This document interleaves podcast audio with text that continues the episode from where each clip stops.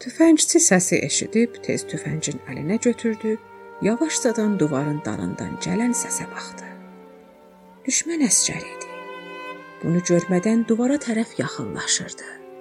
Bir ayağını çəkirdi.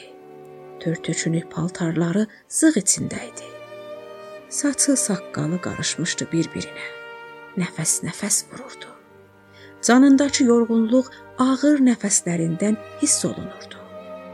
Amma elə görünürdü ki, əlində silahı yoxdu. 10 addım qalırdı divara yetirə.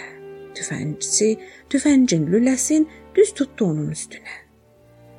Düşmən əskəri divarın 5 addımlığında tüfəngçini görüb dayandı.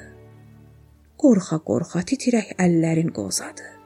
Dili tutula-tutula dedi: "Yox, yox, Məndə silah yoxdur. Mən adam öldürməyə gəlməmişəm. Sağ əlini yendirib sinəsinin sol cibindən bir qız şəkli çıxartdı.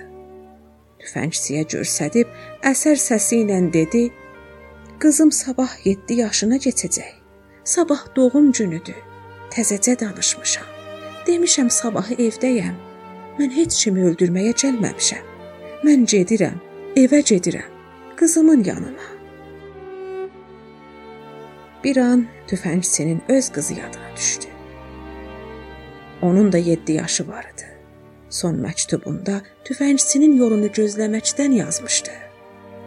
Tüfənginin lüləsini yendirdi, zaminin qaytardı yerinə. Qayıdırdı divarın dalısına ki, bir səs gəldi. Ürəyinin başı qızışdı. Əlin vurdu sinəsinə. Əli qan içində idi. Güllə ürəyinin başından dəymişdi. Məşqçisinin sözü yadına düşürdü. Tüfəngçi, bura savaş meydanıdır. Burada gərək ürəyin bərk ola, gərək ürəyin daş ola. Gərək öldürəsən, yoxsa öldürəcəklər.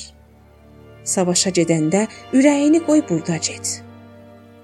Güllənin ürəyi yoxdur tüfəngçi, sənin də gərək olmaya.